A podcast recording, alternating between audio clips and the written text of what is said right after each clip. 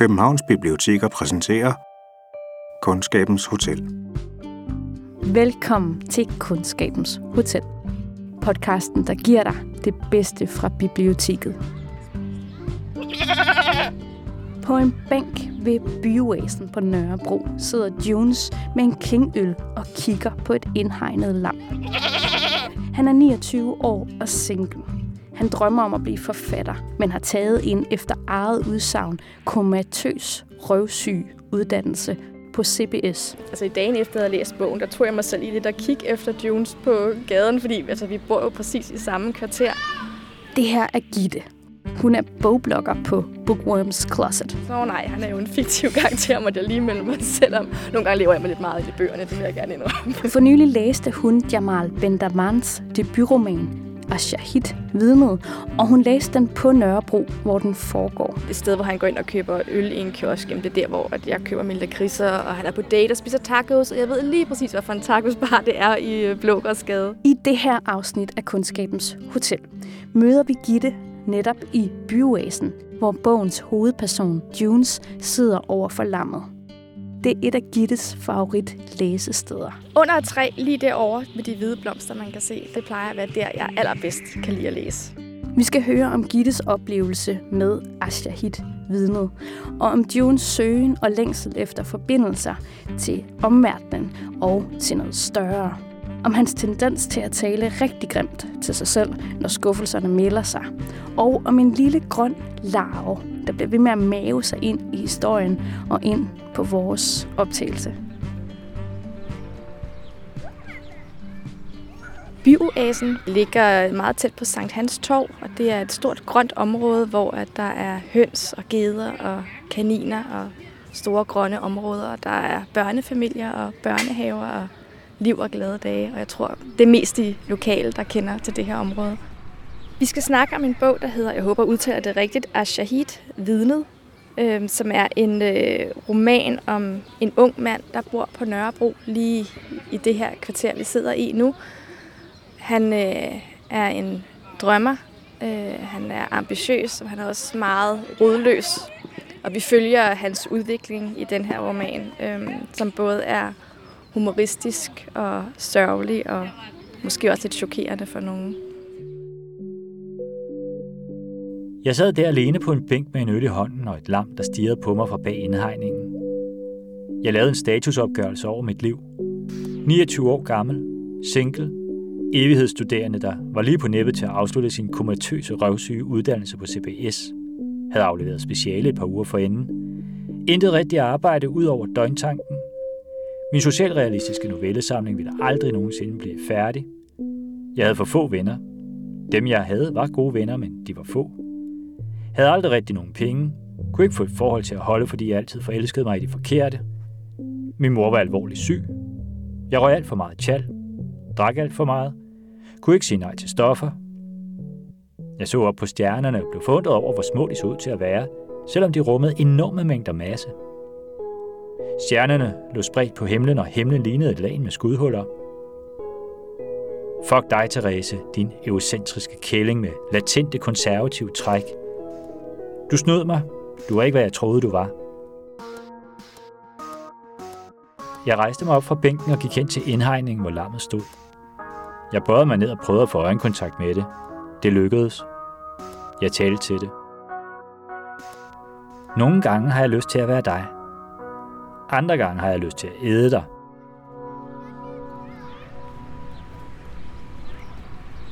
Han drømmer om at være forfatter, men han har så taget en uddannelse på øh, CBS og arbejder nu som fuldmægtig i Vejdirektoratet i verdens kedeligste job. Og øh, selvfølgelig, at han har gået stå i sit liv. Han går på utallige Tinder-dates, som aldrig fører til noget. Han forelsker sig lynhurtigt i piger, men han er også for rodløs til at kunne få det til at fungere for sig, fordi han er hele tiden på vej videre til noget nyt og noget bedre, og samtidig tvivler han også meget på sig selv. Så han er et sted i livet, hvor mange måske er begyndt at have fået gang i deres karriere, og måske fået faste kærester, og han flakker lidt rundt og mangler noget i sit liv, som han har mistet på vejen.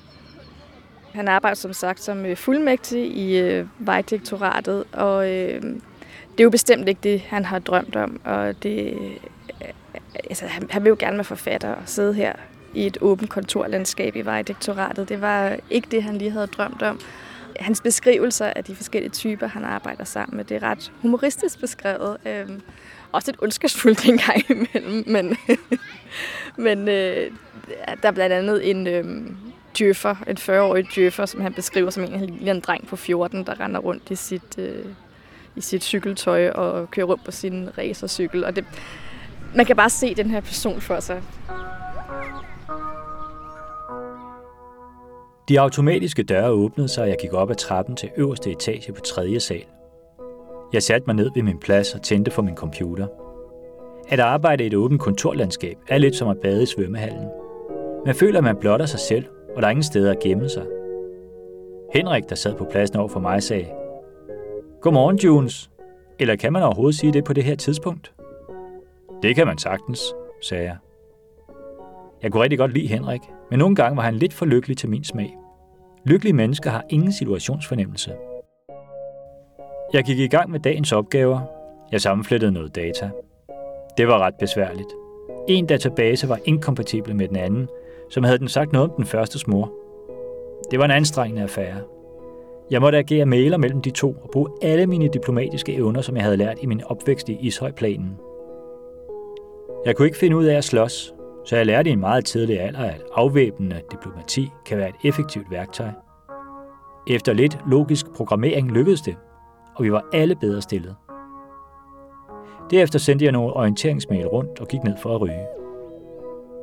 På vej til elevatoren gik jeg forbi en jurist med hovedet begravet i flere karnovbøger. Hans lille overkrop var dårligt nok synlig over bordet. Han var en voksen mand, men lignede en på 14. Efter hver arbejdsdag iførte han sig sort lykracykeltøj og hoppede på sin dyre racercykel og cyklede de 16 km til Nærum, hvor han hørte hjemme. En vaskeægte motherfucking djøffer. He's made it, tænkte jeg.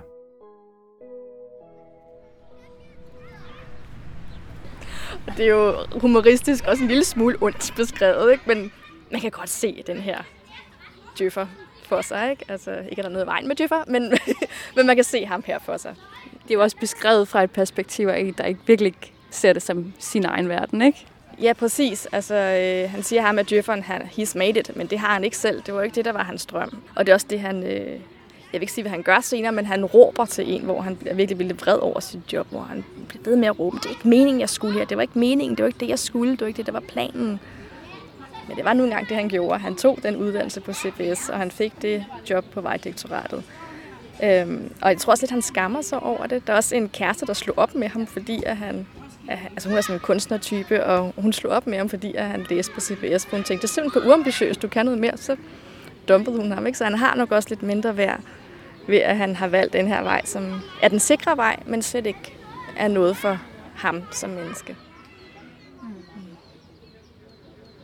Det er nogle temaer, som mange sikkert også kan genkende, ikke? Altså det der med at ungdomsvej mellem det sikre og det, og det usikre, og om at følge sit hjerte, eller altså, ja, den slags. Ja, det tror jeg rigtig mange kan genkende. Altså, det er selv, når man er ung, og måske man får at vide, at man kan blive, hvad man vil, at man så har alle de her drømme om, hvad man godt kunne tænke sig, og jamen, virkeligheden er bare noget lidt andet, fordi der skal jo tjenes nogle penge, og man skal have et liv til at fungere.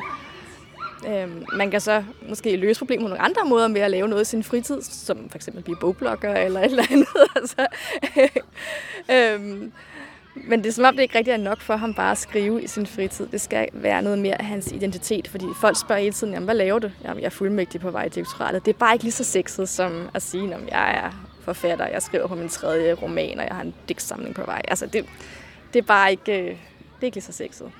Så det, du tænker på det meget som, altså det er sådan en identitet, hvad man siger, man er også? Ja, for det handler den også meget om. Det er jo, hvem er jeg, og hvordan kan jeg præsentere mig selv? Øh, hvilke historier jeg fortæller min familie og mine venner om, og hvordan, hvad synes kæreste om mig. Han snakker meget om at skulle præstere, og tænker meget over, hvad andre tænker om ham. Øh, og det er også, når han går øh, lidt amok i sit selvhed, jamen, så er det også meget med, hvad andre de tænker om ham, som han øh, går i dybden med. Jeg vil gerne lige advare de sarte ører om lidt voldsomt sprog i det følgende. Du er lort. Du har fejlet i alt. Du er en taber. Du er en fucking taber. Intet du har gjort har værdi. Dine venner synes, du er lort. Du er kun en vane, de ikke kan bryde. Din familie er så pinlig over dig. Du er den sidste, de nævner for deres venner. Therese var der utro. Det ved du godt. Inderst inden ved du det. Hun suttede pik på andre mænd og slugte deres sæd, og de grinede af dig bagefter. Du er ikke en mand, du er en fucking dingse. Du er værdiløs, alle griner af dig. De synes, du er så frastødende. Den måde, du taler på, den måde, du bevæger dig på, dit tøj. Du har bildt dig selv ind, at du er nogenlunde tjekket. Du er bare lort. Intet andet. Ligesom da Kasper tværede dig verbalt ud på Roskilde Festival. Du er ikke kvik, du er fucking langsom. Du er ikke intelligent. Det er en livsløgn. Du er snot dum. Du har kun klaret dig igennem på fucking held. Du fatter ingenting. Jemma elsker dig ikke. Hun vil ikke engang lægge mærke til det, hvis du døde. Eva Og sådan fortsætter det på. Han vil hellere have en. fire sider.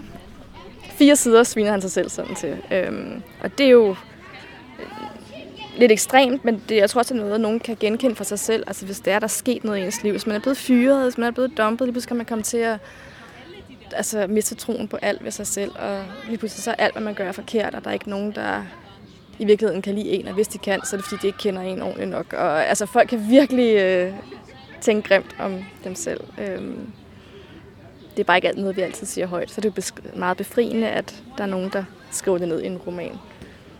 Hvis vi hørte nogen tale sådan om ens venner eller sådan noget, så ville man blive rasende, hvis de talte på samme måde. Ikke? Og tænkte, hvad fanden bilder du dig ind? Men man gør det jo til sig selv. Det er jo ikke så tit selvfølgelig, og det er vel også noget, der bliver bedre med alderen, synes jeg. Øh, men måske ser det, når man er i 20'erne, man tager meget hurtigt ting som et bevis på, at når, hvis jeg fejlede ved det her, så er det fordi, jeg ikke er noget værd.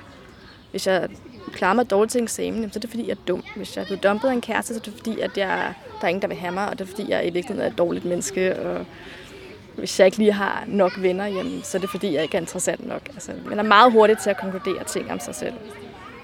Det er nok noget af det, der er det hårdeste ved at være i 20'erne, når man tænker tilbage. Der er sådan et sted i bogen, hvor der sker noget for ham. Han får en slags åbenbaring. Det bliver ganske kort. Det var, det var ikke noget af det, jeg synes var det mest interessante ved romanen. Nej, okay. øh, det var en del af romanen, jeg måske ikke selv var så, øh, var så vild med, men han, øh, jeg mener, han var vokset i, øh, øh, i Hvidovre, en meget religiøst hjem, og han har så jeg kan sige, mistet religionen. Han er i hvert fald ikke religiøs mere. Han kan ikke være religiøs. Han savner sin religion, men han kan ikke være religiøs mere. Og han mangler det i sit liv, og det er måske også det, der... Fik jeg en fugleflat i hovedet der? der var et, jeg ved det ikke, der kom et eller andet i håret på mig. Og der var et eller andet, et eller andet en lille grøn et eller andet. En grøn larve. Altså, det var, der er faktisk en grøn larve med i romanen, så det er lidt sjovt, hvis at den grønne larve kommer overfaldet, men det var bare rimelig... Nej, der er også nogle dyr, der kravler på mig. Øh, uha, nå. det fik jeg lige kuldegysninger.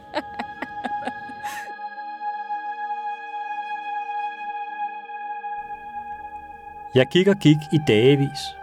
Det føltes som dagevis i hvert fald. Jeg havde absolut ingen tidsfornemmelse. I løbet af de dage følte jeg ingen sult, ingen tørst, ingen frygt, ingen angst. Jeg var stadig euforisk. I alle de dage, jeg gik, var det med et fjollet smil om munden.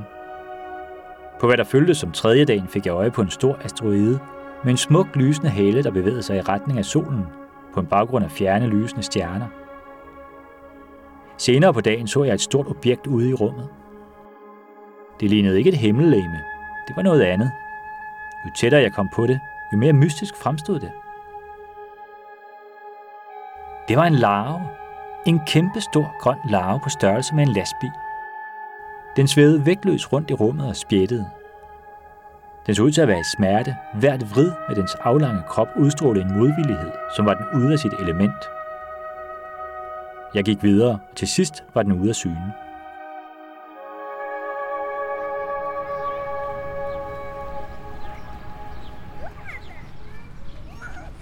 Han bliver ved med at se en grøn larve på ryggen af folk, når han øh, er ude at cykle på cykelstierne, og han ser den i sin lejlighed, og den forfølger ham bare, den her grønne larve. Jeg håber ikke, den falder ned i hovedet på os igen, men... øh, og der er også nogle scener, hvor han står og hører musik, øh, hvor han, han kommer ind i nogle trancer, når han hører det her musik, og skræmmer de mennesker, der er omkring ham. Og på vej til arbejde kører han det samme nummer igen og igen og igen. Jeg har hørt det nummer nogle gange. Det er sådan, og det er sådan lidt tranceagtigt, det musik, øh, og han, det er som om, han kommer til at gøre nogle lidt andre ting, efter han har været i de her trancer. Øh. han mangler jo det her religiøse i sit liv, så melder han sig ind i en, i en gruppe, som har sådan nogle mærkelige seancer. og Det er også der, hvor han får navnet Ashahid, som betyder vidnet. Øh, men det ender så med at gå fuldstændig galt for ham, fordi det, ej, jeg vil ikke afsløre, hvad der sker, men det, øh, det er ikke sundt for ham i hvert fald at være med i den her gruppe. Er det en mellemting, at han har mistet den her religion, og at han begynder at, at komme op på et andet spirituelt plan? Øhm, altså samtidig så ved vi også, at, altså, at han muligvis er psykisk syg, fordi hans mor er psykisk syg. Øh, jeg tror ikke, vi får at vide præcis, hvilken diagnose hun har, men øh, hun er psykisk syg og fungerer ikke mere. Og det begynder langsomt at gå op for en og for June selv, at han muligvis har arvet den her sygdom. Og det er det her spil med, at, at han så er så rodløs og ikke ved, hvor han skal hen i livet, at han så at det kommer lidt til at knække for ham. Han kommer til at gøre nogle ting, som har katastrofale følger for, for hans liv. Øh, men som måske også er nødvendigt at skal ske, fordi han er jo kørt fast, og han er jo ikke glad for øh, den uddannelse, der er taget, og det arbejde, han har, og den måde, han kører sine dates på. Han, han har brug for noget andet i sit liv, jo, ikke?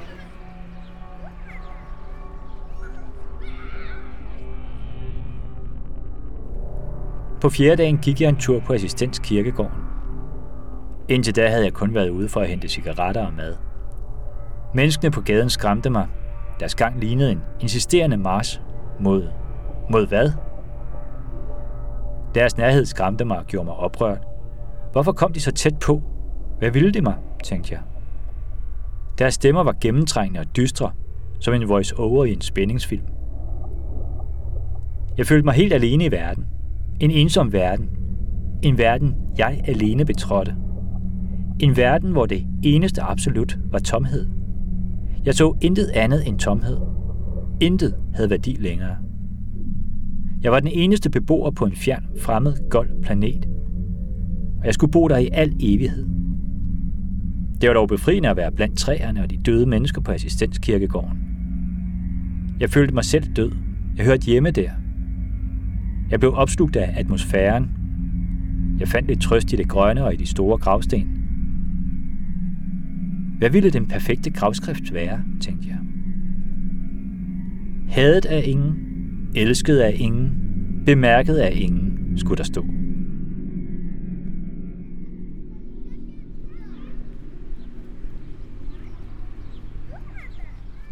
Altså, du læser, har jo læst den her bog, her hvor den foregår. Hvad, hvad er det for en oplevelse? Det er en meget sjov oplevelse. Øhm, det gør det meget øh, ægte og nærværende. Altså, jeg føler næsten, at når man sidder og læser den i sin lejlighed, så kunne han komme gående på gaden udenfor. Øhm, altså også fordi man bruger også meget det der med, når man læser, så prøver man på, sådan, man mangler det der med, sådan, når man ser en film, jamen, så kan man se, hvordan det ser ud. Når man læser, så skal man selv digte det frem. Og her, men der vidste jeg præcis, hvordan det så ud. Jeg vidste, hvad, hvad for noget underlag han gik på, om det var græs, eller om det var brosten, eller om det var fortov. Og så det, det, er bare, det føles meget sjovt og nærværende. Jeg tror også, der er nogen, der laver sådan nogle øh, københavner, litterære københavnervandringer rundt omkring i byen. Som, det er jo meget sjovt at se præcis, hvor at det skete. Mm.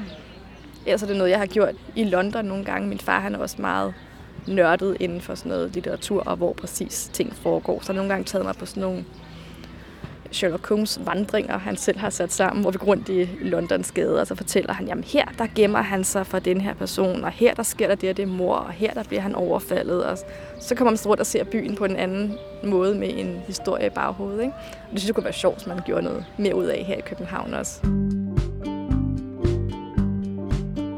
Du kan låne Jamal Bendermans Ashahid vidnet på Københavns biblioteker. Find den på nettet eller spørg din lokale bibliotekar. Kundskabens Hotel er produceret af Københavns Biblioteker. Mit navn er Anne Jeppesen. Den her episode og forrige episode om Dræb ikke en sangfugl er lavet i anledning af fotokonkurrencen Byens bedste læsested. Find mere på bibliotekets hjemmeside eller søg på hashtag byens bedste læsested på Instagram. Vores oplæser i dag var Jakob Kær. Der er, der er en eller anden på en lille sky, der har mundret sig ganske gevaldigt. Vores kendingstrack er lavet af Euclid Elms. Vi brugte også numrene Ravine af Gerdenak, Strange Contemplations af Porchcat og Untitled PVC Quena J.A. Rearrange af Naotko. Hvis du har lyst til at høre forfatteren selv, vil jeg anbefale at lytte til et afsnit af podcasten Min tone i livet, hvor Jamal Bendaman anbefaler et stykke musik. Podcasten er produceret af Biblioteket Frederiksberg. Og apropos litterære byoplevelser, lavede vi jo sidste år en podcast med litterære drukture i København. Man bør bare tage kortet. Måske der sidde og læse hele den her bog herinde. Indtil der kommer nogen og forsyrer en med et eller andet voldsnave eller sådan noget. Hvis du ikke har hørt den, så kan du finde den frem i dit feed. Vi lyttes ved.